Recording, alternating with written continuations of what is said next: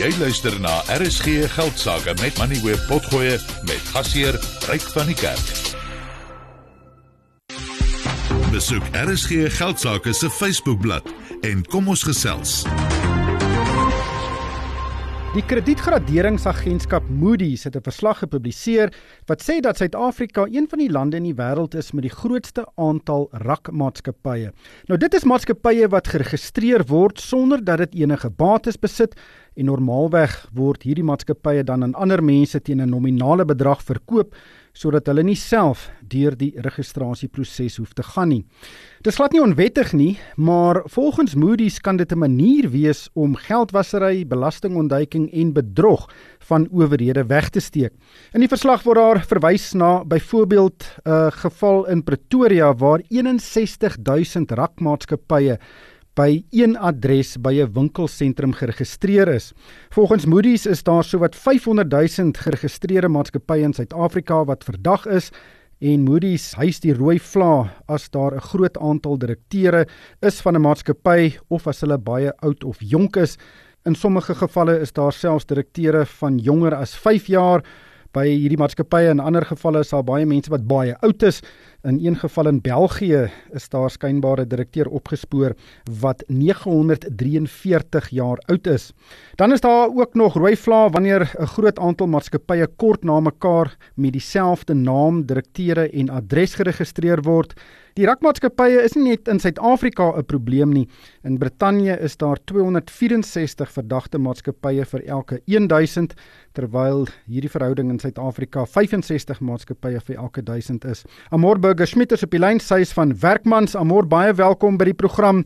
Rakmaatskappye, dis die eerste keer dat ek hoor dat rakmaatskappye op sigself 'n probleem kan wees. Wat presies is die bekommernis? Ja, mens kyk na rakmaatskappye en dit is iets wat gou-gou koop want die maatskappy bestaan, hulle kan daarmee aangaan.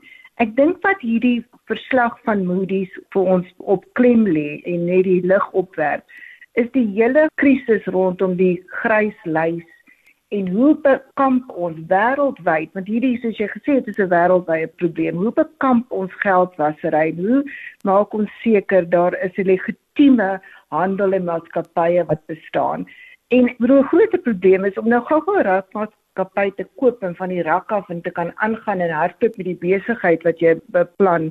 En baie keer is hierdie klein besighede wat gou-gou dan nou 'n rakmaatskappy koop, is jy moet besef dat daar vele spinnerakke hier in kan sit en geraamtes kan wegkruip wat eintlik vir jou 'n probleem maak. En dit trek ons terug na ons eie finansiële wetgewing, die FICA wetgewing dat ons kyk na wat presies weet ons en wat verstaan ons en hoe weet ons geld vloei in 'n legitieme wyse, ryk? Hoe kan hierdie maatskappye misbruik word? Waarvoor moet owerhede kyk as hulle nou na hierdie groot aantal verdagte rakmaatskappye kyk? Weet jy, ons kyk na die rakmaatskappye en hoe hulle geaktiveer word en dan weer teruggetrek kan word nou skielik nou net weer 'n rakmaatskappy is. Kan fondse baie vinnig vloei hierdie een oomblik bestaan die maatskappy en die volgende oomblik is dit 'n rakmaatskappy wat gesê word hy is dormant. En dan ook as ons kyk na kom ons gebruik net die finansiële instellings.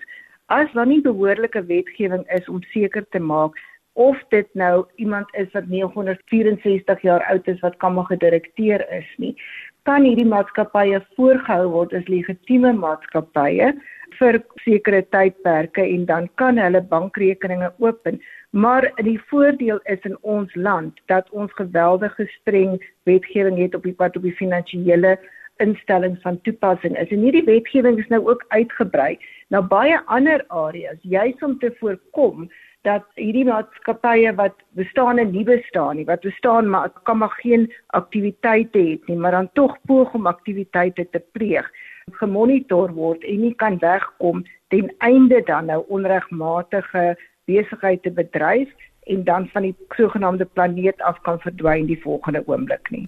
My persepsie is is dat die CIPC of die Kommissie vir Intellektuele Eiendom en Maatskappye wat maatskappye reguleer in Suid-Afrika en ook 'n organisasie is waar mense hierdie maatskappye moet registreer relatief goed is. En tesame daarmee het ons die Suid-Afrikaanse Inkomste Diens wat ook nogal doeltreffend is. So hoe moeilik is dit om hierdie rakmaatskappye bedrog en geldwasery weg te steek in Suid-Afrika? Ek stem met jou saam. As ons kyk na die CIPC, ek bedoel die organisasie staan op goeie fondasies. Ek bedoel hulle het histories baie tegniese probleme gehad, maar die proses hardloop.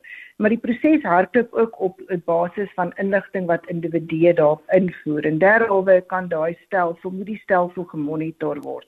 Hoe dit gemonitor moet word is dan nou verder voorgeskryf in die Financial Intelligence Center wetgewing en wat hulle sê Ja, ons het 'n verskriklike sterk inkomste diens wat fantastiese werk doen en ek dink as Suid-Afrikaners ry, moet ons altyd dankbaar wees daarvoor, want tot 'n groot mate hou hulle die ekonomie op hulle voete deur hulle robuuste benadering wat hulle het. Maar weer eens sonder maatreëls wat daar gestel word om te monitor en ongelukkig dan nou op 'n manier polisieman te speel rondom of die inligting korrek is kan daar baie ongewenste gevolge wees wat kan uitpeel en deel daarvan is hierdie brakmaatskappye wat 'n direkteur het wat 1 jaar oud is. Nou ek bedoel hoe jy 'n direkteur is en jy is 1 jaar oud verstaan ek nie, maar ek bedoel dit weet ons wys die verslag is wel die geval. Amor kan hierdie probleem meebring dat Suid-Afrika langer op die FATF se gryslys bly. Inderdaad, Ryk, hierdie is 'n geweldige probleem. Ek bedoel ons wil nooit op die radar registreer wees een van die hoofgelyste lande waar hierdie probleem bestaan nie. So ja, inderdaad, hierdie kan veroorsaak dat ons langer op die gryslys bly en derhalwe moet ons ook kyk na wat se wetgewing ons parlement aanvaar om hierdie ongewenste uitkomste te beheer. Amor, dankie vir jou tyd vanaand. Dit was Amor Burger Smit. Sy is van Werkmans. Jy het geluister na RSG Geldsaake met Money where potgoe elke weeksdag om 7 na middag. Vir meer Money where potgoe, besoek moneyweb.co.za of laai die toepassing af en volg Moneyweb News om dagliks op hoogte te bly.